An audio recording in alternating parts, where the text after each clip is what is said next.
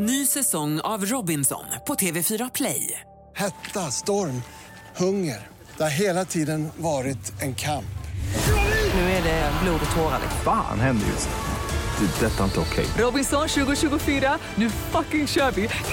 Streama söndag på TV4 Play. Välkomna damer och herrar till Drama och Intriger. Med Christian och Doris. I dagens avsnitt har vi laddat med åtta stycken helt sjuka historier och eh, det kommer bli riktigt spännande idag kan jag säga. Ja, det blir kul. Men att i tidigare avsnitt så pratade vi angående gravid cravings. Ja, det lär ju finnas många sjuka där ute. Det jag kan jag mig. lova. Det finns Ja. flera stycken som då har skickat in till oss. Men att du har ju varit gravid två stycken gånger Doris. Nej, tre gånger. Tre gånger. Ja. Förlåt, förlåt. Ja. Lätt att missa en Ja. sådär när man har så många barn här hemma. Ja, tre gånger. Men du har ju haft lite gravid cravings. Vad har dina liksom, typiska gravid cravings varit? Ja, men det var väl det vi pratade om sist. Eh, med Ricky var det ju bara McDonalds. Alltså gick upp 30 pannor, blev eh, jättestor. Ja, det, det var det. Ehm, och sen har vi ju med Jason, det var ju mycket kexchoklad. Ja, och Snickers. Ja, och Snickers. Och med Cataleya med typ choklad. Nej, just det. Jag kom på vad du hade med Cataleya nu. Hallon, eller om det var smultron. Jag var tvungen att åka Nej, ner inte till Ica. smultron i alla fall. Nej, hallon. Ja, hallon måste det ha varit. För, alltså, jag vet, ä- ända sedan jag var liten så har jag alltid, alltså jag har blivit fellärd av mina föräldrar. Mm. Att hallon och smultron har de lärt mig tvärtom. Så de har lärt mig fel. Och jag är nu, har nu i vuxen ålder försöker lära mig tvärtom. Att det är liksom, men det är svårt, det sitter i ryggmärgen. Ja, det är inte lätt alla Men gånger. att i tidigare avsnitt så efterlyste vi då eh, gravid cravings historier Mm. från er följare. Och jag kan säga att vi har fått in några som jag tänker vi kan ta och lyssna på innan vi kör igång. Gravid cravings. Måste bara lukta på badbollar.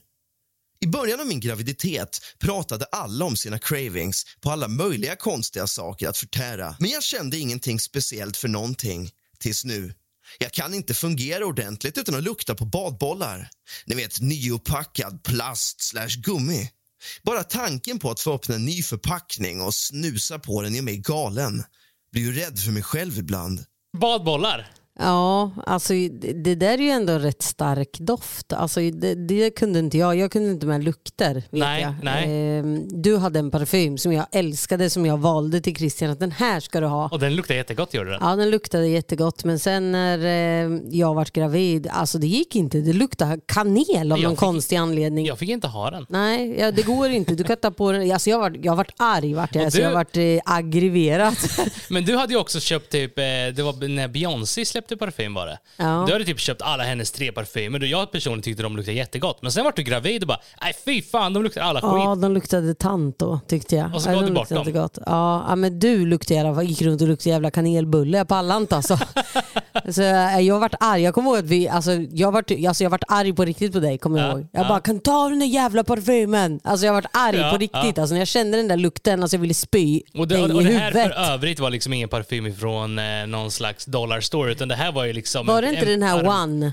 Emperio Armani One eller Ja. nå- någonting sånt där var det. Ja, Så det var ju, vidrigt det alltså. var ju Sen- liksom en dyr parfym. Ja, men jag är konstig när det kommer till just parfymer där. Att, eh, som typ parfymen du hade sist, som jag bara, det luktar äckligt, du luktar äckligt. Och så tar din pappa så ger du den till din Ja, pappa. ja. Och varje gång han kommer, fan vad gott det luktar. Ja, han bara så här, Ja, det är den jag fick av Christian. Ja. Bara, vad fan luktar den så gott på dig för? Alltså den luktar äckligt. Men det alltså, kan, så här, kan det inte vara så där att man luktar, det, alltså parfymer kan lukta oli, lite olika på människa till människa liksom? Jo, men, men jag tycker ju ändå att de ska ju lukta där de... Alltså så här, Ja, men jättekonstigt, det det luktar du som- äckligt på dig. Det var du som fick mig att ge bort den parfymen. Och sen en, liksom, hon har tjatat i flera månader om att den luktar skit. Varenda gång jag använder den tänker jag okej, men jag får inte använda den. Typ, jag, skitsamma, jag ger bort den till farsan. Aha. Och sen varenda gång far- farsan kommer och säger att han luktar gott. What the fudge? Ja, jag vet, han luktar jättegott. Men vi tar en till historia här. McDonalds-is. Jag åt isbergssallad och knaprade is från McDonalds som besatt när jag väntade dottern. Jag åkte förbi McDonalds en gång om dagen och beställde en burgare och en stor vatten full med is. När vissa i kassan hörde att det var jag struntade de i vattnet och gav mig bara is. De lärde sig vilka mina cravings var. Ah, Is! Alltså jag får ju här, det ilar i mina tänder av bara tanken på att stå och tugga på is. Ja, men det är jättemånga som blir just så här för is och isvatten. Men vad är det för skillnad på vanlig is och McDonalds is? Ja, därför att antagligen, den är ju krossad. Den är ju mer... kr- Nej, det är den Nej, inte. de har ju som typ runda, en cylinder med ett hål Ja, inuti. men det kanske är godare. Fan vet jag. Jag vet inte. Ja, men det är konstiga gravida kvinnor alltså. Ja, monster. Vi tar en till här. Garagedoft.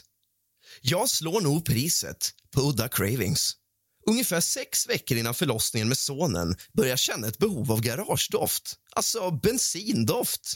Att tanka bilen har aldrig varit så härligt som då. Alltså jag kan ju säga det, här, jag älskar lukten av eh, bensin, alltså jag älskar lukten av garage. Alltså jag älskar det. Kommer du ihåg i vårt förra lager? Ja, och jag bara ja. kunde stå och bara, det luktar så gott. Men sen när jag kommer hem på kvällen efter och liksom har skruvat till, på till vår YouTube-kanal och meckat moppe hela dagen och luktar bensin, ja då luktar det inte gott. Nej, för du luktar inte bensin, du luktar avgaser. Det är stor skillnad ska jag tala om för det dig. är bensin då. Ja men det luktar inte gott på dig då. Det är Nej. som en parfym, luktar Jaha, skit. Exakt. Men det är Ni- gott ni- när det luktar Ser det. ni, kära vänner, hur svårt jag kan ha det ibland? Mm, det är inte Ja, lätt Det är alltså. inte lätt att leva med en Doris alltid. Nej. Jag har sedan några veckor tillbaka fått enorma cravings på glögg. Det är så gott och jag skulle kunna dricka hur mycket som helst. Givetvis endast saftglögg. Hittade inte i affärerna ännu så jag får tigga till mig rester från vänner och familj. Ja den var ju sjuk. Glögg. Ja, men det kan ju vara så kryddor och sånt. Det är inte så jättekonstigt egentligen. Det hade ju dock varit värre om det var någon så här blossa 18% i glögg hon var. Vinglöggen. Glöggen. Då ska man Ja, passa men sig. alltså det, ja det var ju inte jättekonstigt. Jag vill ju ha lite mer så här feisty grejer. Alltså jag vill ju ha lite så här äta betong och sånt. Jag tror inte det är allt för bra att äta betong när man är ja men det är ju någon som stod och åt betong. Var det? Ja, det är en tjej som åt betong. Alltså hon typ rev upp hela jävla sin farstu i, i så ett lägenhetskomplexhus. Seriöst? Ja, ja, ja. Och så har hon stått och så stod hon och skrapade av och så hon tyckte om knastret som vart av betongen. Äh, det där är helt sjukt. Alltså, jag vet att jag har sett någon så här eh, tv-program där de har så här We My Weird Addiction eller något sånt där. Och då så är det någon kvinna som äter upp sin resårmadrass. Ja, men hon som äter upp sin man då, Va? som har gått bort, äter upp hans aska. Har du inte sett den? Jo, jo, nu när du säger det. Ja. Åh ja. herregud. Den är så jävla sjuk. Den är, den är riktigt Alltså sjuk. så här, hon började äta så hon fick någon så jävla alltså, tvångstankar. Så hon eh, började ju äta upp hans aska. Nej, vad vidrigt. Jag ätit upp min man. Han, det var gott. Den var gott. Det var gott för mig.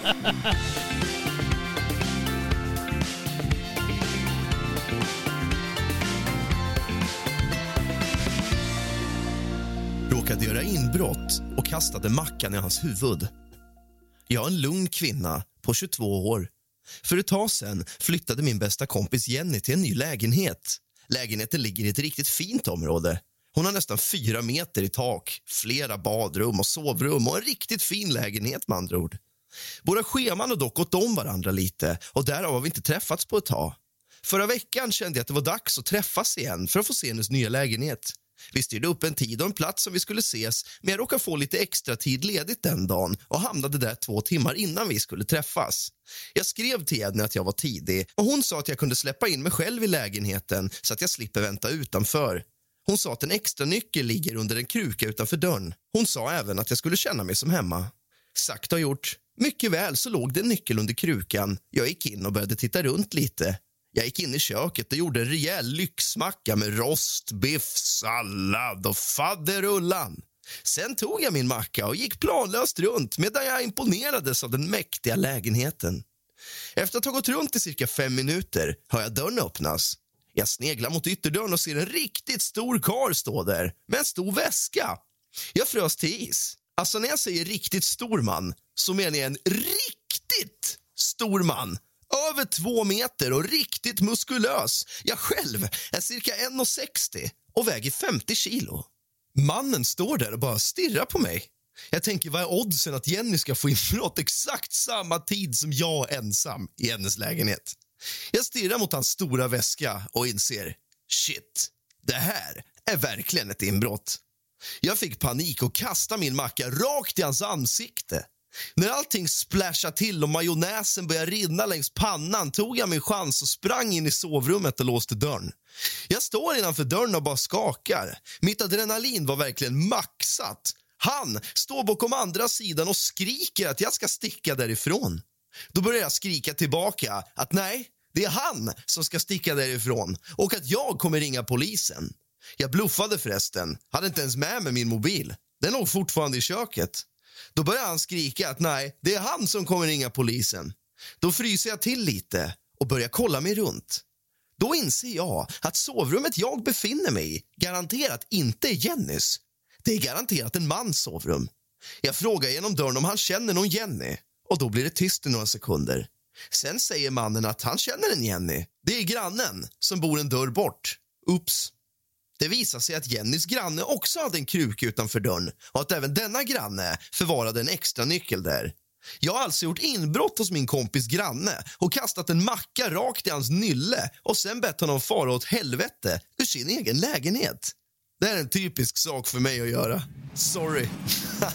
Aj jävlar. Aj fy fan vilken jävla... Vad pinsamt. Ångest på den alltså. Sula majonnäsmackan rakt i ansiktet på en. Han bor där bara så här. Nej gud vad sjukt alltså. Jag förstår ju ändå att han var chockad och går in och ser en liten tjej stå där med en stor macka i hans kök. What the fudge liksom. Ja Hallå? precis. Nej, det där var jätte, jättesjukt alltså. Det var pinsamt. Ja men jättepinsamt. Men vem lägger än sina nycklar sådär? Jag, fattar, jag har aldrig fattat den grejen att man gömmer den uppe på karmen eller under en kruka eller under dörrmattan. Alltså why man? Men How en- stupid väl- are you? Ja men det är väl en sån här säkerhetsgrej om du någon gång skulle tappa din nyckel ut. Ja att det men, men kommer ändå, In. det där är ju, så här, det är ju så jävla simpla grejer att lägga ut på. Fattar du? Ska Ja. du gömma så göm ordentligt då. Ja, ja men Alltså- det, det är sant. Har du någon gång gått in i fel dörr eller gjort något så här riktigt pinsamt? Jag vet att jag har det. Ja, jag säger något jag inte har gjort. Jag har säkert gjort men jag har bara jag inte kommer på det nu. Ja, för jag kan säga att jag var, vad var jag? Tio år ungefär. Mina, alltså jag är då född och uppvuxen i Gislaved, en liten byhåla i Småland. Och mina kusiner hade väl precis flyttat till ett nytt hus. Och grejen var att i det här området var det liksom så här, ja men det var inte höghus, men det var så här, ja men tvåvåningshus med olika lägenheter. Man gick upp för en trappa för att komma in till lägenheterna på övre våningen typ. Och alla hus såg likadana ut. Och jag hade varit där en gång. Eh, och sen så gick jag iväg någonstans, gjorde något, så skulle jag komma tillbaka. Och jag går upp, lalala, allting ser ju exakt likadant ut, alla hus. Lalala, öppnar dörren, går in. Och så öppnar dörren, går in, tar av mig skorna och så bara inser jag bara fuck.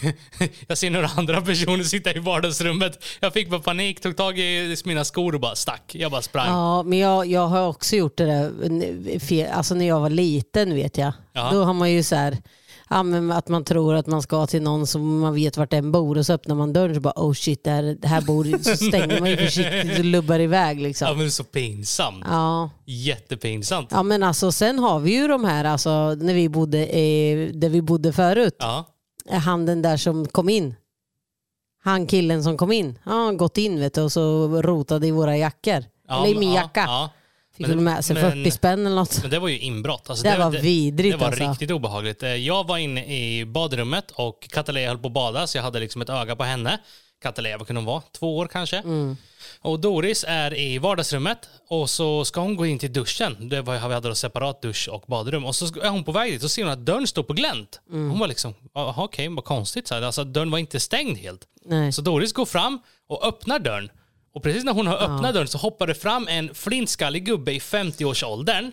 Kommer du ihåg han hade tatuering på Nej, halsen? det var inte 50-årsåldern. Var det Han var, nej, nej, nej, nej, nej. Han var, kan han vara typ kanske, han var väl kanske 25-30? Ja, han var ju ung. Var han det? För jag, Ja. jag tyckte han såg ut som typ Jesper Levin. Alltså harakiri-gubben. Nej, han var ung vet du. Han var tjackis, han var Ja. sliten. Men han Nej. var, var inte, inte så gammal. Ja, Okej, jag kanske kommer ihåg fel. Men Doris i alla fall öppnar dörren och då hoppar han fram liksom bakifrån dörren och bara "Åh, åh, ehm, Det är inte som det ser ut. ehm, Det är det första han säger. Jag har inte tagit något. Ja, det är det första det. han säger Ja. när jag öppnar dörren och han står där. Ja, jag har inte tagit något. Alltså, då fattade jag ju direkt att jo, det har han visst gjort. Men eh, så började han säga ja det var några ungdomar som kutade förbi och eh, slet upp dörren. Så jag skulle bara kolla vad det var. Och jag bara, Okej, sa Doris. Jaha. Men då kom jag dit, för jag hörde att hon pratade med någon. Så då kom jag dit och då bara gick han typ. Ja. Men eh, sen när vi kollade på våra klä, liksom, jackor som hängde precis innanför dörren, så alla fickor var ju öppnade. Alltså man Ja. ser liksom att någon, någon hand har varit i alla fickor. Ja, och, och det felade sig. Jag jag hade typ eh, fem, nej, två 20-lappar och en 10 typ. Ja. Och 40 spänn saknades ifrån min jackficka Ja. så då fattade jag att det var den där jäveln. Ja, Men skitsamma om vi, om vi förlorar pengarna. Bara, alltså det var så obehagligt att liksom... Ja men alltså sen det sker. första man säger, så jag tror han var nog inte redo på att där skulle stå alltså, någon som är fullt tatuerad och bara vad i helvete håller du på med? Har inte tagit något. Nej, det, What det, the fuck? det är det första man säger om man är oskyldig. Eller liksom. Jag har hur? inte tagit någon. Eller hur? Nej, det var så jävla uppenbart var det. Men det var ju, det var ju alltså jätteläskigt för att våran lägenhet tidigare hade ju bott eh, pundare. Ja, det var ju en alltså, pundar, ja. gammal pundarkvart liksom. Ja, pundarkvart och de sålde ju även Mm. också. Så alltså våran tidigare lägenhet, vi har ju fått höra det här på efteråt nu, Mm. att eh, alltså dörren har ju till exempel blivit in, inskjuten. Ja, det är ju gamla Men- i. Ja, ja, det var ju en ny dörr när vi flyttade in. Ja. Men eh, när vi flyttade in så hittade vi liksom kanyler på innergården och skit. Ja precis, det var läskigt Ja. alltså. Fan, och du, att de inte hade städat undan ordentligt. Ja. Ja, Tänk var, om vi hade låtit Kataleja eller Jason bara säga, men ni kan gå ut och leka. Ja, ja, det var ju bara tur att vi kollade igenom allt. Men hela den lägenheten, alltså under alla år vi bodde där, jag tror vi bodde där sex eller sju år, så kom det ju väldigt mycket skumma människor förbi och knackade på och så här. och den där tanten som jag älskar. Ja, hon har ju bott där förr i tiden. Ja men alltså det var jätte, alltså så här, till våran, vi hade våran vanliga dörr låst och så hade vi en innergård. Eh, som du gick in i till innergården och sen brukade jag ha öppet i våran, det var sån här, eh, vad heter det, den här dörren? Ut, till- en, en ut till in-. Ja, en Ja, men alltså en, en dörr till innergården och så satt jag inne i soffan. Jag vet inte vad jag gjorde, lekte med Jason eller vad, eh, något gjorde jag i alla fall. Och så från ingen jävla stans står en gammal kärring i dörröppningen. Alltså jag höll på att bajsa på mig. Och nu är det så här, alltså, hon var utländsk, väldigt, väldigt gammal, kanske 80, Mm. Hon kunde 80 typ inte plus. svenska. Nej, och eh, har ni sett det här, alltså typ så här yoghurtdam, ni vet så här, på Ja. yoghurtförpackningen, så Ja, här, det är den här turkiska yoghurten, de här gamla kärringarna som ser ut som russin. Ja men exakt, hon var jättegammal, hon bara står där i vardagsrummet Jag kommer in, sa hon. Jag kommer in. Jag har Ja. bott här. Och då visade det sig att hon, hon var på gränsen till senil. Ja, hon var underbar. Några år senare när vi träffade henne så var hon helt väck i Hon var huvudet. jättegullig. Men det visade sig att hon har ju då bott i vår lägenhet sedan det typ byggdes och så här, typ i 20 år bodde hon där. Men man märkte ju med henne också att hon inte riktigt kom ihåg. För varje gång hon kom förbi så sa hon alltid jag har bott här, jag har Ja bott här. precis, hon kommer inte ihåg att hon redan sagt det 20 gånger till exakt. oss. Liksom. Ja, men det var lite läskigt alltså. Ja, hon det bara var det. stod där i dörröppningen. Men hon menar ingenting, hon var trevlig var Hon var jättegullig var hon.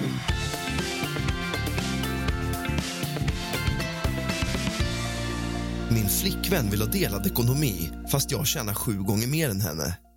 Jag är en man på 25 år och har en flickvän på 22 år.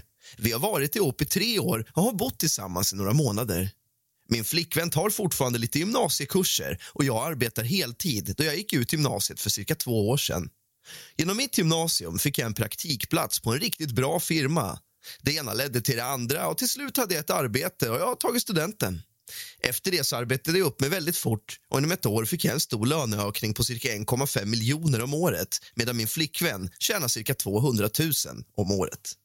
Min flickvän flyttade nyligen in i mitt hus för några månader sedan och det är i stort sett jag som betalar alla kostnader som amortering, elvatten, sophämtning och så vidare. Det enda min flickvän betalar själv är sitt abonnemang på till exempel Spotify, Netflix och sin mobil och så vidare. Ganska nyligen hamnade vi i en hettad situation där hon krävde att vi varje månad skulle ta bådas inkomster och lägga dem i en pott, betala alla räkningar och sen dela lika på alla pengar som blir kvar. Jag betalar redan i stort sett varenda räkning. Jag använder sen lite pengar för nöjen och resten stoppar jag till mitt sparkonto. Nu har min flickvän alltså blivit svartsjuk då hon har sett hur jag kan spendera lite pengar medan hon å andra sidan måste tänka på varenda inköp hon gör. Men det är inte riktigt sanning. Så mycket pengar bränner jag inte. Majoriteten av min inkomst går raka vägen in på sparkontot. Jag bjuder också min flickvän väldigt ofta på saker i form av restaurangbesök och fina gåvor, blommor och jag bjuder ju i stort sett på allt. Hon behöver inte betala hyra och såna saker eftersom jag vet att hon tjänar mindre. Jag känner också min flickvän och vet att hon har pengar så bränner hon dem på skit direkt. Den 25 drar hon iväg och köper kläder och smink för i stort sett hela sin lön. Sen kommer hon hem och gnäller att hon inte har några pengar för resten av månaden. Jag älskar henne verkligen, men samtidigt ifrågasätter jag vårt förhållande just nu. Det finns inte en chans i världen att jag tänker köra delad ekonomi och sen bara se på när hon bränner alla mina pengar på skit. När pengarna egentligen skulle in på mitt sparkonto. Vad ska jag göra? Alltså det där är ju lite svårt ändå. Alltså, de har ju ändå varit ihop rätt länge. Ja, ja. det beror väl... Alltså, jag, jag, jag, kan, jag, kan, jag förstår det absolut. Jag förstår det från både hon och han. ja, Alltså jag fattar. Jag kan tycka också att det beror på lite hur man haft det innan. Alltså så här, om man kör delad ekonomi från en start så ska det såklart vara så. Men om man har haft särad ekonomi och hon bränner alla pengar och sen helt plötsligt vill ha allt. Eh, Efter tre år. Det är ju Ja. inte riktigt rättvist. Nej, alltså jag, jag är väldigt kluven här för jag vet att jag och Jag hade Doris, fattat det mer om de var gifta. Ja. Alltså så här, då delar man på allt. man, Så. man har barn och sånt. Eller om man är som dig och mig. Att man, Vi har ju alltid varit så. Det är så sjukt. Du och Ja. jag har alltid varit så. Ja men alltså det är ju det jag vill komma till, att allting beror på hur man är som människor. Som jag och Doris när vi träffades till exempel. Alltså ingen av oss hade inkomst. Eh, jag gick i skolan, i gymnasiet. Du var arbetslös och bara gick hemma. Eh, men sen efter det så, eh, vi, till och med vi gick på socialbidrag ett tag. Gjorde vi. Ja, och sen skaffade jag ett jobb. Ja. Nej, du började studera. Jo, du skaffade ett jobb. Nej, ett jobb. Ja, ja, Och ett sen jobb. studera. Och sen studera. Ja. Och då var det ju så här, alltså, vi hade ju inte delar ekonomi så, men så Nej. fort vi båda liksom började tjäna lite pengar så bara la vi vi gjorde som så, vi tog Doris lön, min lön, betalade av alla räkningar, split, satte ihop allt och splitta. Ja, precis. Och så har ju vi gjort hela tiden. Sen efter några år så fixade jag ett bättre betalt jobb. Alltså, Men då fortsatte vi som vi alltid gjort så. Mm. ja, och och det, har, ingen roll. det har funkat bra. Liksom. Alltså, det, är inga, det, det har aldrig varit några konstigheter där, men jag kan ändå fatta honom. Ja men uja. För jag menar, jag jobbade inom vården, du jobbade som lagerarbetare, du tjänar en bra bit över vad jag gjorde. Ja, men jag jobbar ju i en frys, jag hade en massa så här tillägg. Men jag tycker och... om pengar. Men så gör vi än idag med. Alltså en viss idag. Nu, Ge mig dina cash. nu har vi ett företag tillsammans, men så vi plockar ut lön, betalar räkningar och splittar 50-50. Jo men fast det, det här, ja precis, men det är ju, vi jobbar tillsammans, vi har någonting tillsammans. vi är också har, innan med ju. Eh, Ja men förut hade vi ju inte det, för då hade jag, jag jobbar inom vården och du jobbar i lager, det var ju inte på samma, det är inte samma sätt. Jo, jag tjänar mycket mer än dig, men, Ja, li, ja, men lika men det tusan satte vi in allt i Ja en men pott och idag, dela. ja precis, men idag så har ju vi någonting som vi gör gemensamt. Ja, vi jobbar precis. tillsammans, Ja, vi, alltså ja, förstår du? Eh, vi drar ändå vårt strå till stacken på ett eller annat sätt. ja, men så är det ju. Så är det. ju. Ehm, det är sen väldigt- fine, jag är inte så bra på att redigera och sådana saker, men jag är bra på annat. det är det minsann.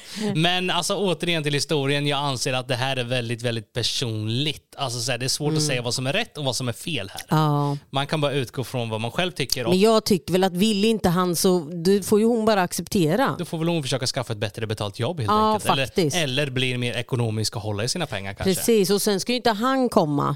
Dagen hon kanske tjänar mer än han. Nej. Då ska inte han komma och tro att han ska ha hälften av henne. Det är så här, man ger och man tar. Men samtidigt kan jag nog tycka att hon har det ju ganska bra ändå med tanke på att visst, hon får inte halva hans pengar, men han betalar elen, amortering, Mm. Ja, det ska allting ja sånt. precis. Då får ju hon en slant över oavsett. Ja, hon behöver ju bara betala det i stort sett sina egna kostnader, abonnemang och Ja. Netflix och såna här grejer. Jag hade varit nöjd om jag var hon. Alltså, det Ja. var en bra deal. Men mycket vill alltid ha mer kanske. Alltså är det ju. Alltså, oftast så är det ju så. Men jag tycker som sagt att hon ska vara nöjd. Ja, vi kan konstatera det. Fan, håll, han kan få behålla sina pengar om han vill. Ja, Ja. fortsätt betala hyra och sånt bara.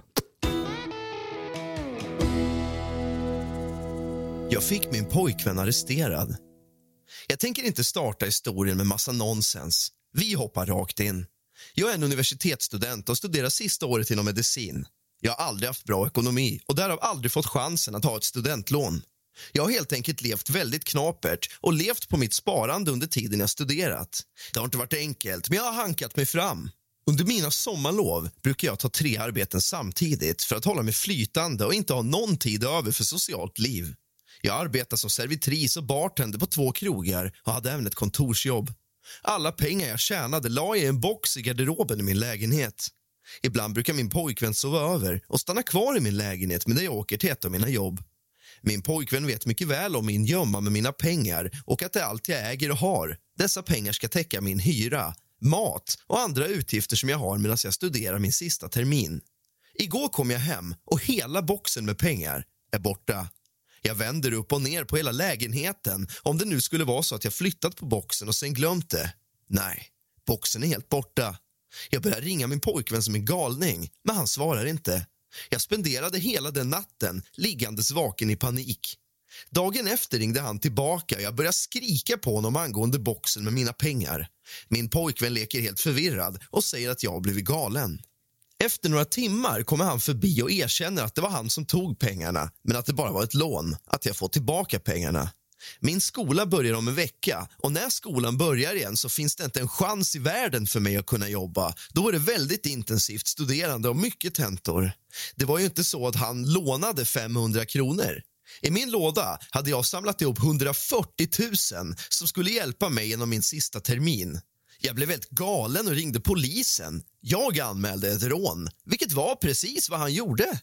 Nu har det gått några timmar och jag antar att han fått ringa sina samtal i arresten då hans familj bombarderar min mobil med samtal.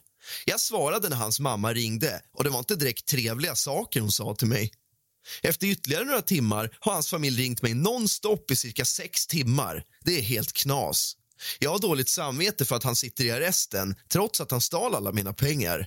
Pengar som jag har sparat ihop i flera månader. 140 000! Min pojkväns bror ringde nyss och han var ändå respektfull och förstående. Han sa att han skulle hjälpa min bror att betala tillbaka hela summan om jag bara gick ner till polisstationen och förklarade att jag ville dra tillbaka min anmälan. Men jag tror inte hans bror. Jag skulle kunna dra tillbaka min anmälan men jag tror tyvärr att jag aldrig kommer att få se de här pengarna.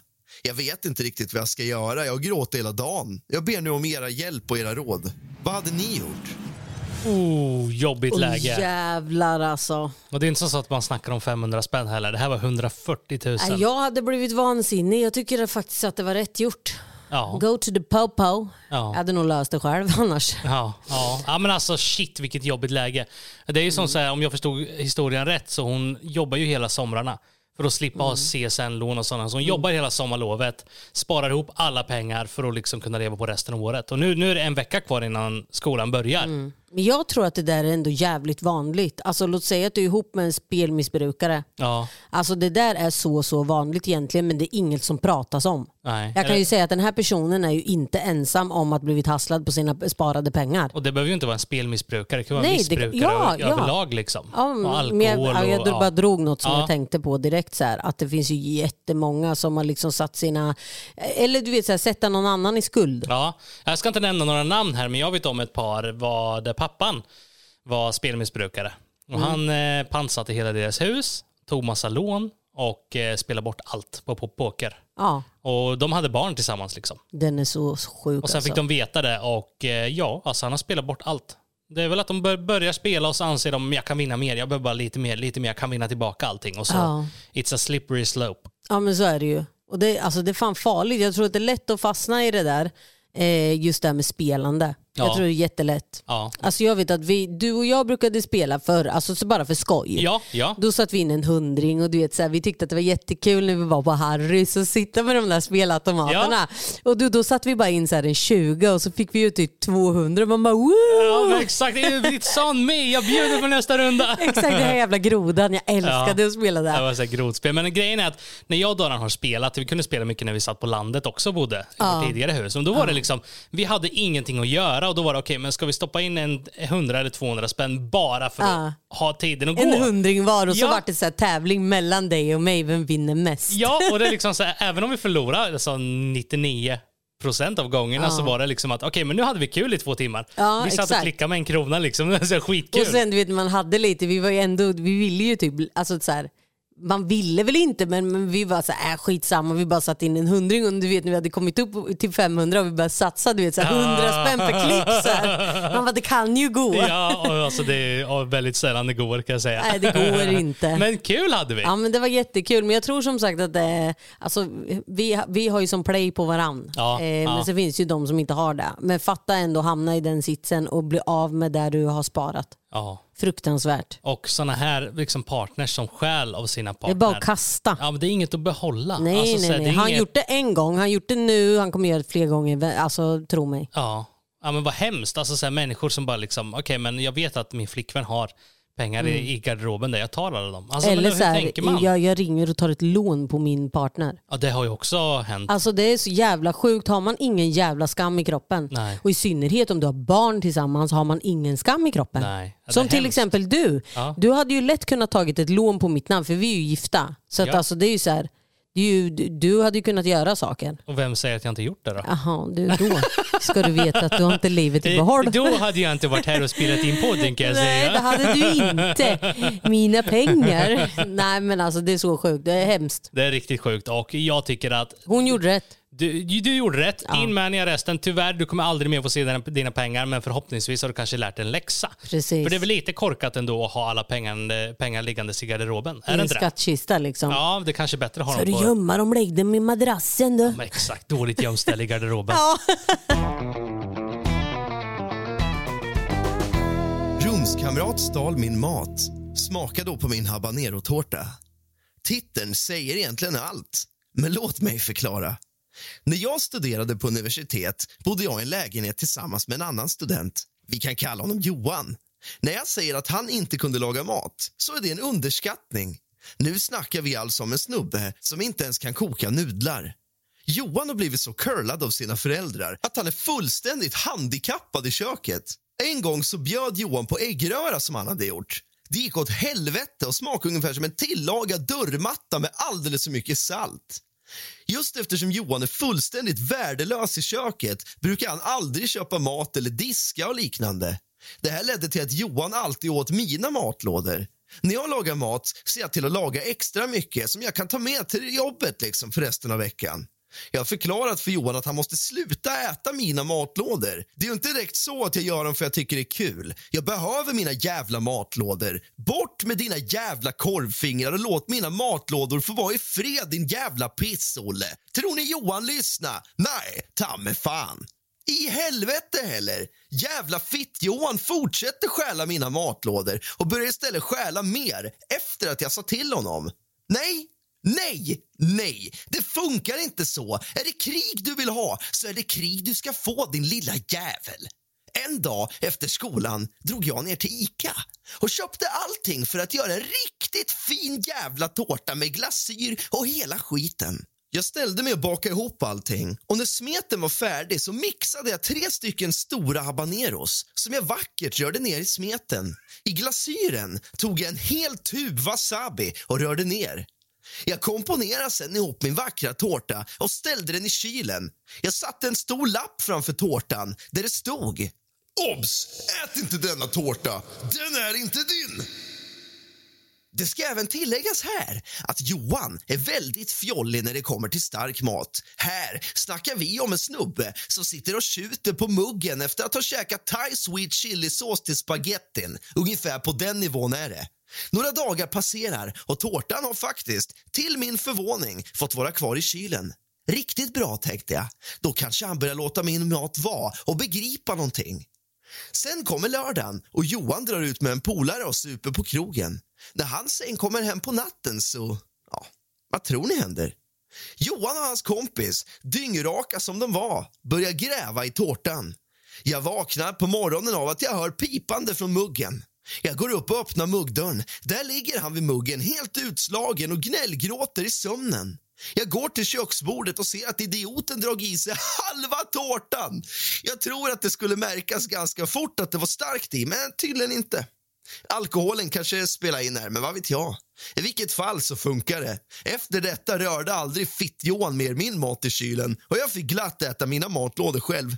Jag tycker inte att jag gjorde något som helst fel. Men vad vet jag? Jag kanske är en psykopat. Vad tycker ni? Jag tycker du gjorde rätt. Jag tycker inte du är en psykopat. Du är rolig. Vill du bli min kompis? Ska vi leka? Ska vi leka? Nej men alltså absolut. Alltså, det där var så jävla dunder alltså. Ja, men rätt ska ju rätt vara. Alltså, hon gjorde ju ändå hon eller han, jag vet inte vad det var. Om det var en han eller hon, men vilket som. En hand tror jag. Ja. För en, en, en, hon svär inte sådär mycket om hon inte heter Doris.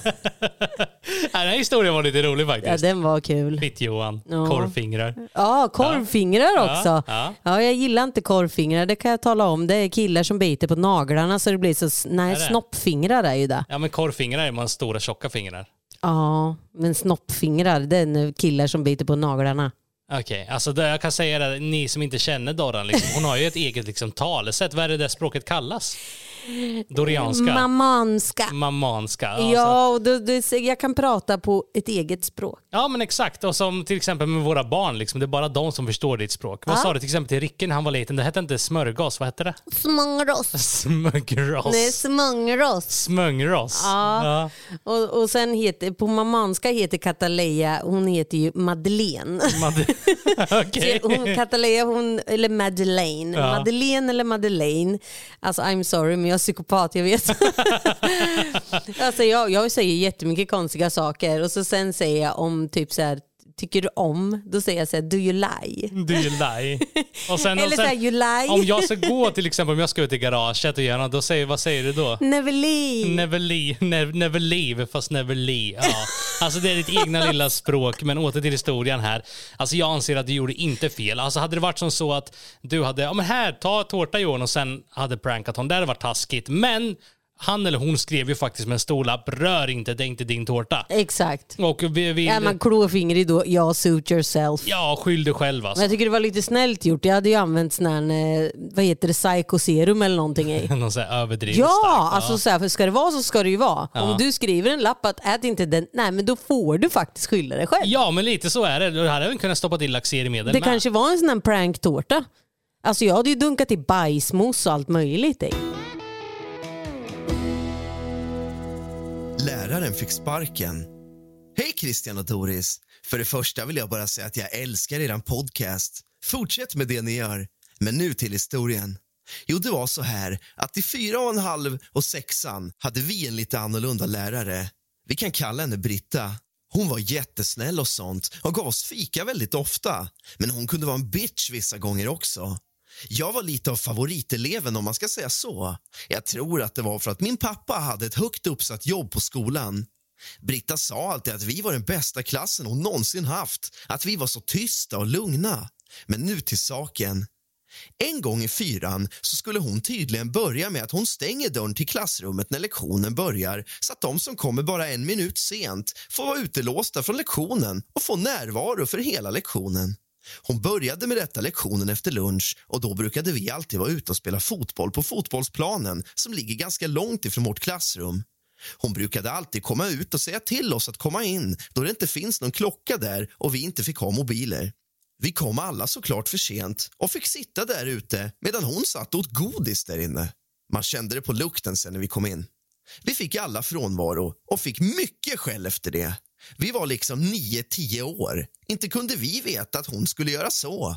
När jag kommer hem sa jag det till pappa och Britta fick en varning. Pappa sa typ så här. Om du gör så en gång till tar jag det vidare till rektorn. Men den här gången klarar du det. Jag vet detta, för pappa sa nyligen att han sa det då varken jag eller pappa är kvar på den skolan. Hon var såklart skraj och var väldigt tyst mot mig efter det. Hon är väldigt konflikträdd. Men efter typ en månad sa hon till mig att jag skulle passa mig för att ge henne sparken. För då skulle jag tydligen inte få vara med på fikat och sånt. Jag vart såklart väldigt rädd då hon har väldigt grov röst och nästan skrikig. Vi fortsatte dagarna som vanligt utan den där regeln. Jag har fler historier från den där läraren, men hon har nu fått sparken. Tycker ni jag skulle ha gjort något annorlunda? Alltså jag anser att hon inte gjorde någonting fel. Alltså det finns ju såna här lärare som är tyvärr trötta på livet. Och är lite Ja, för och jag kan dra ett bärska. exempel. Ja, Jason eh, fick för en minut eh, frånvaro. Ja. Alltså den är så sjuk. Och sen en annan gång hade Jason också fått från. Det här är samma lärare som han har eller har haft kanske, det säger vi inte. Och eh, grejen är att han hade sagt till läraren, jag har näsblod. Och Ja, Jason har näsblod väldigt ofta. Alltså så här, han är precis som mig när jag var liten, jag hade näsblod hela tiden. Ja. Och grejen är att när Jason säger att alltså, man, man liksom... Man, Känner jag säga? att det rinner till. Ja men precis, det behöver liksom inte rinna ut blod i näsan för man ska känna att man har näsblod. Man känner att det börjar rinna och då bara okej, nu har jag näsblod. Ja. Och Jason har ju haft näsblod så ofta så han vet ju om det här. Och då var det sant till fröken, jag har näsblod, jag måste gå på toa. Hon bara nej, du får inte gå. Han bara, men jag har näsblod, jag måste gå på toa. Nej. Ja, men då, fuck it, jag, gick- jag, jag Han går gick, ändå. Han ja. gick ändå. Och då fick han frånvaro på tre minuter som hon hade anmält. Ja, anmä- och en minut också har han fått. Så Ja. att det, alltså det är så jävla löjligt. Vissa, alltså vissa lärare ska fan skäms tycker jag. Så det är beror- barn det handlar ja, om. det beror på vilken ålder det är. Det är inte så Exakt. att de är, går på universitet och är Nej. 18 år eller 16 eller högstadiet. Utan han liksom, Jason går i fyran. Ja. Och liksom lite så här lite får man ju ändå ha lite översyn med. Som till exempel i det här fallet, de är iväg och spelar fotboll på en fotbollsplan, det finns någon klocka. De får inte ha mobiler. Nej. Och de alla kommer några minuter sent. Bitch please. Ja, precis. Som sagt, att man, man får nog inte, alltså så här, som vuxna som jobbar med barn, tror jag, du, alltså, du måste ha överseende att barn, och så i synnerhet om inga klockor, inga mobiler, ingen klocka som ringer in eller någonting, alltså då får man ju faktiskt, alltså, det där är ju skamligt. Man får ju ändå ha liksom, alltså det är ju ändå viktigt att lära barnen att passa tider, absolut. Men hur ska de kunna göra det då? Ja, nej men alltså, säg att de är några minuter sena. Alltså, lås inte ut dem och låt dem inte vara med på lektion, men Nej. utan snarare poängtera, okej nu vart du några minuter sen här, det är inte bra. Jag tror det räcker. Mm. Jo, Alltså, så men fast hur ska de kunna hålla det? Låt säga att ingen av barnen har klocka i, på armen heller. men precis, ja, men då är det hur ju... ska de då? Alltså, så här, då får ju fröken skicka jävla röksignaler eller någonting. Då. Ja, eller gå ut och som Ja, man men jag tycker göra. att det är larvigt. Vet Ja. man med sig om som lärare att eh, då får man ju liksom köpa en jävla bell, ding, ding, ding, Ja, ding, ding, ja. eller vad som helst. Vet, vissa skolor har ju såna här klockor som ring, ring, Ja, ring. exakt. Då vet man. Okej, man kan, jag tycker inte att man kan förvänta sig som lärare att barnen ska kunna hålla koll på tiden när de leker, de är uppe i nuet. Alltså det är barn. Ja, men att hålla koll på tiden är väl ganska Lätt- svårt om man inte har klocka. Exakt, exakt. Eller, eller mobil. Låt barnen vara barn. Den familjen ska inte ha djur. Hej Christian och Doris! Jag är en tjej på 15 år som har ett stort kaninintresse. Under snart två års tid har jag tagit emot kaniner som folk inte vill ha och nu har jag ungefär 20 stycken här hemma på min och min familjs gård. Men över till ett mycket stort drama som skedde på grund av mitt kaninintresse. Jag var tillsammans med en kille. Vi kan säga att han hette Hugo. Hugos familj var väldigt speciell. Mamman låg runt med olika män varje dag. De yngsta barnen, på sex och sju år, sa så hemska saker till andra människor som hora. De slogs med allt och alla. Dottern på tio år kallar sin mamma för tvätthora och även hon brukade göra hemska saker mot andra människor. Familjen hade sedan tidigare tre katter. De katterna hade det ändå helt okej. De var mest ute. Men familjen bestämde sig för att skaffa två kaniner.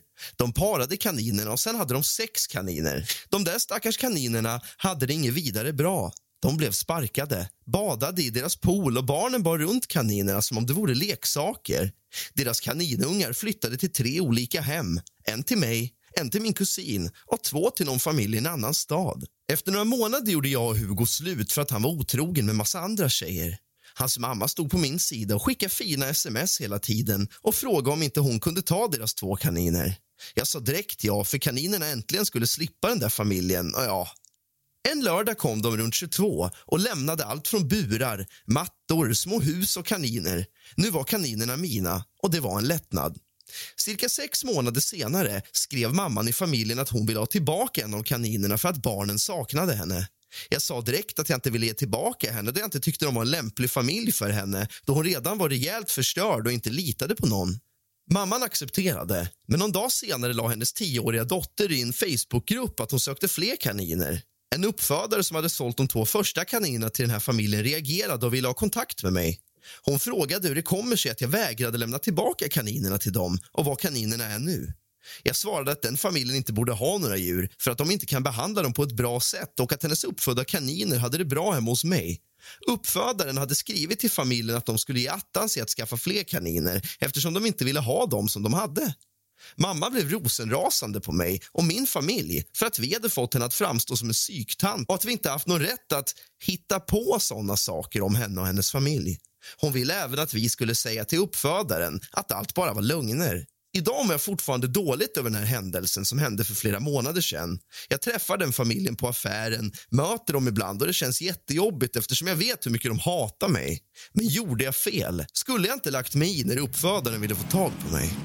Jo, jag tycker att du gjorde rätt alltså. Vissa människor ska inte ha djur. Nej, och så är det bara. Och, kan man inte acceptera att man är fan dålig så det får vara. Jag tycker inte att hon gjorde fel. Vad Nej. konstigt jag pratade där. Ja, ja, men jag anser att du gjorde absolut inte fel.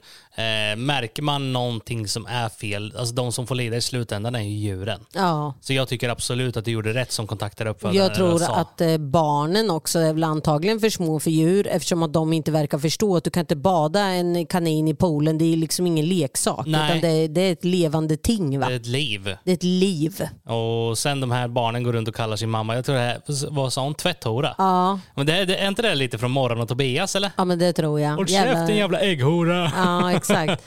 Nej men alltså det är ju så här, ja jättekonstigt. Nej, men vissa människor ska inte ha djur och är de dumma nog att inte inse det själva så tycker jag att du gjorde rätt som sa till uppfödaren som det var. Ja Att de precis. ska inte ha djur. Och det var ju inte hon som eh, kontaktade uppfödaren, det var ju tvärtom. Ja. Så jag menar, hon har ju enbart varit ärlig alltså. Ja, och jag anser att du ska inte ha dåligt samvete över det. Sålde brorsans Pokémon-samling och vägrade ge honom pengar. Jag är en man på 22 år som har en brorsa på 19 år. Vi har egentligen alltid varit galna i Pokémon och samlat Pokémon-kort under hela vår uppväxt. Vi har alltså samlat kort tillsammans i cirka 12 år och har under dessa år lyckats samla på oss tusentals olika kort. Ganska nyligen flyttade min bror hemifrån och under själva flytten som jag hjälpte till med hittade jag en bunt Pokémon-kort som jag började kolla lite på. När jag kollade runt bland korten hittade jag några kort som faktiskt kan vara riktigt värdefulla då de återigen blivit populära, och just Pokémon-kort. Vissa kort kan man faktiskt tjäna helt sjuka summor pengar på. När jag kollade runt i högen hittade jag några kort som faktiskt var ovanliga och i riktigt bra skick. Vissa var faktiskt så bra att de var klassade i X5-klassen som då betyder excellent condition enligt PSA standards. Jag tog bibban med Pokémon-kort och dagen efter fick jag dem värderade.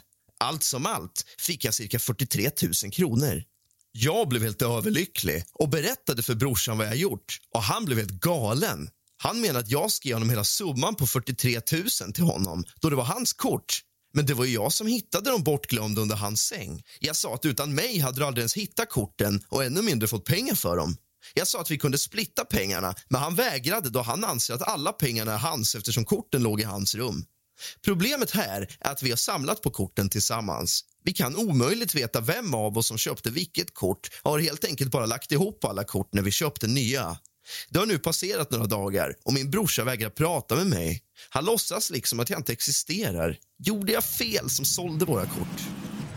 Ja, din idiot. Vad tror du? Alltså, stupid ass säger jag. Alltså Ja. de här jävla Pokémon-korten, de kan ju vara värda miljoner så sparat dem ett par år till. Ja, alltså det beror lite på. Jag anser att han gjorde ju inte fel som sålde dem med tanke på att de var lika mycket hans kort. Men jag anser att han gjorde fel som inte sa till sin brorsa innan. Och hörru du, kolla ska vi sälja de här? exakt, Exakt. Det var ju väldigt dumt gjort. Ja, då hade de kunnat bolla tillsammans. Liksom. Jag hade ju inte tagit alla kort för det innebär ju att han har tagit brorsans del av kort också och sålt. Ja, men han erbjöd ju brorsan hälften av pengarna. Men, eh, det Men var ju, ändå. Det var ju fel av honom att ta beslutet för brorsan kanske tänker som du gör att hallå, om vi sparar dem några år till Mm. kan de vara värda ännu mer. Var det inte Logan Paul som köpte något jävla Han Pokémon-kort? köpte ju världens dyraste kort tror jag. Den är så sjuk alltså. Ja, den är riktigt sjuk. Förstå de här korten och samma sån här, när jag var liten då spelade vi POG. Ja, Såna här, det är som runda grejer. ja, Men man spelade ju aldrig POG utan man, eh, Man bara man hade bara POG. ja. Ja Tänk om man. de hade blivit så här. jag hade jättefina POGs med massa glitter på. Jag hade också jättefina, men jag kommer ihåg att det får vara en sak som jag ville ha mest av allting. När man egentligen ser tillbaka nu några år så var det bara skit, men det var i alla fall en POG-maskin. Det var någon slags ja, ja, ja. maskin du typ kunde stoppa in din så kunde du klistra på och så bara kunde man snurra och trycka och det var ashäftigt. Alltså det var min högsta önskan att få en sån. Jag ska köpa en till dig Jag Gricka. fick aldrig en sån. Nej, du, jag ska fixa till Men jag har dig. insett nu på efterhand liksom att de var ju skit-B. Alltså så det var ingenting att ha egentligen och jättedyra var de. Ja, ja, jag måste nog googla på POG som det finns idag alltså. Ja, jag är osäker ärligt talat. Älskade POGs, men jag har inte varit mycket för kort. Jo, det var, har jag visst det, för nu ljuger jag för dig. Hockeykort. Har du samlat på det? Ja, jag samlade på hockeykort. vet du. Okej. Jag, jag ville ha hockeykort. jag tyckte det var... Alltså jag eh, tittade jättemycket på hockey när jag var liten. Jaha. Och för er som inte vet så har jag spelat pingis. Jag På tal, på tal om pingis. hockey liksom. Ja, ja, ja. På tal om sport tänkte jag. Ja, ja. Ja, men jag gillade hockey. Jag vet inte varför, det är skittråkigt. Jag hatar hockey idag. ja. Jag Jag, jag, jag egentligen har, har nog aldrig samlat på sådana här hockeykort eller något sånt, men jag vet att Pokémon-kort ja, samlade jag. på det? Ja. Men alltså, jag fick ju aldrig några Pokémon-kort själv. Utan Men fatta ändå att man, sånt kan bli så dyrt idag. Ja, men det är ju sjukt. Men det är med värdering, att allting liksom växer i värde och skick och här grejer. Men när jag var liten, liksom, jag fick jag har nog aldrig fått en enda Pokémon-kort, alltså så här, köpt. Utan det var snarare någon polare som bara, men du, här, eh, ta mitt kort, eh, du får det här kortet. Ja, eller så här, vill du vara med? Du kan få mina sämsta kort. Ja men Och precis, så så fick man dem och sen efter det så började man byta med små kids. Det är ju samma det här med kulor. Vi hade aldrig råd och vi fick aldrig egna kulor. Så då var det ju så här, då fick man ju de här, de sämsta kulorna var ju de här stenkulorna som gjorde i betong eller vad Ja, de är, så ja. betongkluttar. Ja. Jag kommer ihåg, jag fick, jag, jag fick vara med ett par eh, i skolan som spelade i, i sandlådan där. Så jag bara st- stod där och tittade och jag var så avundsjuk så var det en tjej som kom och bara, vill du ha, du får de här tre, de, de är inte så fina men du kan ju så vinna. Ja. Och jag lovar, jag hade fucking världens finaste kulsamling sen. Ja, jag hade ja. fan roffat åt med alla snygga. Ja, genom att tävla och kasta och sådär. Ja, exakt. Det, det det, var kul. ändå kul alltså. Ja, det var det det absolut. är sport. Det är sport. Så det där liksom känns lite som en sport som vi gillade när vi var små. Men sen när vi blir pensionärer kommer vi stå och kasta bord istället. Ja, ja, lite så. Det finns, det finns ett ställe här i Åby där vi bor, utanför Norrköping. När man åker förbi någon så här äldre sammanhang. Ja, men alltså, jag älskar ju det. Ja. Då står de där vet du, och så kan de sitta och fika och grejer. Så ser man att en del si- pensionärer sitter och fikar och sen ett annat gäng sitter och står och spelar bowl eller Ja, vad men heter det? exakt. Bull. Är det någon så här bygdegård eller någonting? Där de Jag tror det är någon kommer? dagsverksamhet Ja, eller någonting. någonting sånt. Jag tycker det, jag vill jobba där. Du vill, du vill jobba där? Ja, jag vill jobba där. Jag tycker det är så mysigt med gamla pensionärer. Ja, men återigen till historien då. Jag anser att det, han gjorde fel. Alltså, det var inte Ja. fel av honom att sälja men det var fel av Det var jättefel av honom att sälja. Det, var inte, det, var det, det han gjorde var fel egentligen, för han har, det liksom, han har ju rätt till hälften av korten. Ja. Men det han gjorde fel var ju att inte prata med sin bror innan han gjorde det. Han skulle sagt, hörru du brorsan, ska vi sälja de här? Då Typ hade det varit vi kan okej. värdera dem och kolla liksom. Ja men precis. Ja, men jag anser att du var en douche och så låg det i hans rum med. Alltså, bitch please. Under hans säng, vad har du där att göra? Det var taskigt gjort. Elaka, elaka kaktus. Han stal mitt godis. Jag är en kvinna som är i slutet av min graviditet. Har ungefär en månad kvar innan planerad födsel. Som många kanske förstår är man inte speciellt smidig i slutet av en graviditet och därav hatar jag att köra bil. Eller ja, det är väldigt svårt att få plats bekvämt bakom ratten. Därav brukar min mamma få köra runt på mig när jag ska åka någonstans då min sambo arbetar väldigt mycket. För ungefär en vecka sedan åkte vi till min absoluta godisbutik. Det är en butik som ligger vägg i vägg med själva chokladfabriken och färskare choklad går inte att få tag på. Det är som om Willy Wonka själv ägde den. Denna butik är ungefär en timmes bilfärd bort men min mamma var snäll och körde mig dit. Väl i butiken köpte jag ett dussin olika chokladbitar som var inslagna i olika färger så man kunde se vilken smak det var. Min sambo vet mycket väl vilka smaker som är mina favoriter i denna påse. Dagen efter jag handlat allt godis kom min sambo hem sent på kvällen från sitt arbete. Han kom bort till mig vid soffan och vi kollade lite film. En bit in i filmen frågade jag om han kunde hämta min choklad och det gjorde han. Han tog även några bitar till sig själv, vilket är helt okej såklart. Nu spolar vi fram till dagen efter när i stort sett samma sak skedde. Jag satt i soffan när vi skulle kolla film tillsammans. Jag bad honom återigen hämta chokladen då jag medvetet sparat alla mina favoriter till sist. Då ger min sambo mig en blick och jag förstod direkt att något var fel. Det visade sig att min man hade gått upp på natten och ätit upp alla mina favoriter som fanns kvar. Och här rann det över. Gravid och full med hormoner som jag var bröt jag ihop. Jag hade liksom sparat de här chokladbitarna till sist just eftersom det är dem jag älskar mest. Det var stracciatella-smak på chokladbitarna och dessa är verkligen det godaste jag vet. Min sambo förstod mig fullt ut och erbjöd sig att åka och köpa nya. Jag sa att då får han minsann ta och göra det. Dessa godisar säljs endast i fabriksbutiken som är två timmars resa bort. Dagen efter åkte han iväg för att fylla på mitt lager av dessa godisbitar och efter en stund får jag ett samtal av min mamma som säger att jag måste lugna ner mig och att mina hormoner gör mig helt galen. Efter några timmar kom min sambo hem med mina godisar, men han var lite tjurig. Jag försökte be om ursäkt och inser sig på efterhand att det kanske var lite taskigt. Men samtidigt vet han mycket väl om att det är mina favoriter. Gjorde jag fel? Både ja och nej. Alltså, jag kan väl säga det att vara ett eh, hormonstinkt gravidmonster, det är fan inte lätt alltså. Nej, och jag anser att han vet mycket väl att det var hennes favoriter. Han, he knew what he was getting into när han tog de sista bitarna där. Alltså. Ja, men hon kanske var, det kanske var första gången hon var gravid. Nej, ja, men fortfarande man, eh, man ska inte bråka med en gravids eh, kvinnas Gottis. cravings. Ja, men exakt. Och, ja, då fick han, helt enkelt ta det. Han åt upp dem, ja men då fick ju han minsann Ja, åka men han gjorde timmarna. rätt för sig. Vad fan, var gulligt av en att köpa tillbaks i alla fall. Så jag tycker ju ändå så här, det hade ju inte varit egentligen, det var lite överdrivet alla. Eller? Ja. Både ja och nej. Alltså, det är jättesvårt. Alltså, det är ju egentligen överdrivet och jävligt douchebagigt gjort av henne. Men samtidigt, har man varit i ett liksom, ihop med någon som varit gravid eller varit gravid själv Ja. så vet man mycket väl hennes position med så man kan liksom sätta sig in och förstå. Alltså man kan gå över lik Tänk så här. för det man är sugen på. Du går upp fyra på natten där det är helt becksvart. Du ska gå och sätta dig där i mörkret och tugga på din Snickers. Bara för att inse att den åt jag upp tidigare under kvällen. Ja. Vad hade du då du gjort klockan fyra på morgonen? Jag, jag hade tagit något annat. Men hade du inte blivit arg? Att din Snickers inte var där som du har sparat, din favorit-Snickers. Nej, för att du köpte alltid överdrivet mycket. så det, så här, det fanns inte ens en möjlighet att du hade kunnat äta upp Nej, jag allt. Men Det, men du garderade det, för Ja. du visste att du kunde ta något om du blir sugen också. Ja men exakt, då köpte jag alltid lite extra. Som eh, Lite det var någon extra. graviditet så här, du fick eh, kexchoklad. Vilken graviditet var det? Och det var så gulligt. Det Då var med jag- Jason. Då kom jag hem med, alltså nu snackar vi om 12-13 stycken ja, det var jättemånga, världens bunt och så hade de köpt blommor åt mig också. Jag, Åh, Men blommor, blommor köper ju inte jag bara när du är gravid. Nej, det köper jag ofta. Men jag, ibland, ibland så är jag så här. Ibland så vill jag ha blommor, ibland så hatar jag att få blommor. För jag ser inget värde i blommor. Köp någonting som är nödvändigt, som jag kan använda eller så äta Fast eller något gott. har man ett fint hem så är det jättefint att ha blommor på bordet till Ja, exempel. nu tycker jag ju det. Jag Ja. kan köpa blommor till mig själv. Ja. Eh, men jag är sån, jag dömer så väldigt mycket när jag får blommor. Typ såhär, vad fan är det här för keff jävla bukett? Jag har lust att kasta ut dem bara för att de är fula typ. Ja, du kom ju jag är på- så bortskämd Du kom ju där. på mig ett tag där. Alltså jag kan- köpa blommor Ja. ganska ofta till Doris.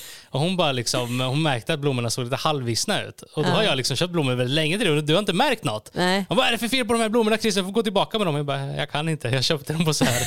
Second hand. nej, nej, inte second hand, men ni vet så här, stora blomsterbutiker, typ när blommor börjar vissna och inte har lika hög kvalitet. Då säljer de ut dem. Precis. Ja. De ställer de utanför för halva priset. Och så jag har jag gått och köpt dem där. Så fick jag själv, fick inte jag köpa mer på så här billiga Mm. blommor. Nej, jag vill ha så här fina så här buketter om jag ska få blommor. Men det enda problemet vi har idag det är ju det att vi har en dotter på sju år. Så när Oh jag kommer hem God. med blommor, är de till mig? Ja, de är till dig. Ja, Och jag här, vet. Ja, tack. eller typ så här, fick inte jag några blommor pappa? Ja, du vet, så här, hon, hon förlåt. vill också ha. Förlåt, jag får också köpa blommor till henne med.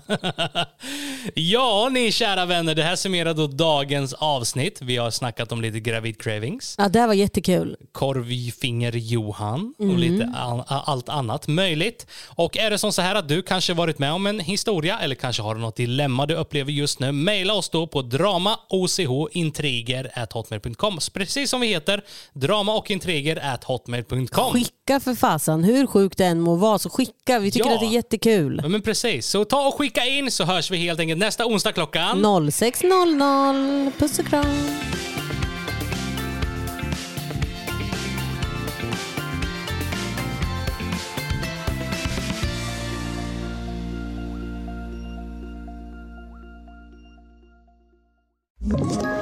Ett poddtips från Podplay. I fallen jag aldrig glömmer djupdyker Hasse Aro i arbetet bakom några av Sveriges mest uppseendeväckande brottsutredningar. Går vi in med hemlig telefonavlyssning och, och då upplever vi att vi får en total förändring av hans beteende. Vad är det som händer nu? Vem är det som läcker? Och så säger han att jag är kriminell, jag har varit kriminell i hela mitt liv men att mörda ett barn, där går min gräns. Nya säsongen av Fallen jag aldrig glömmer på Podplay.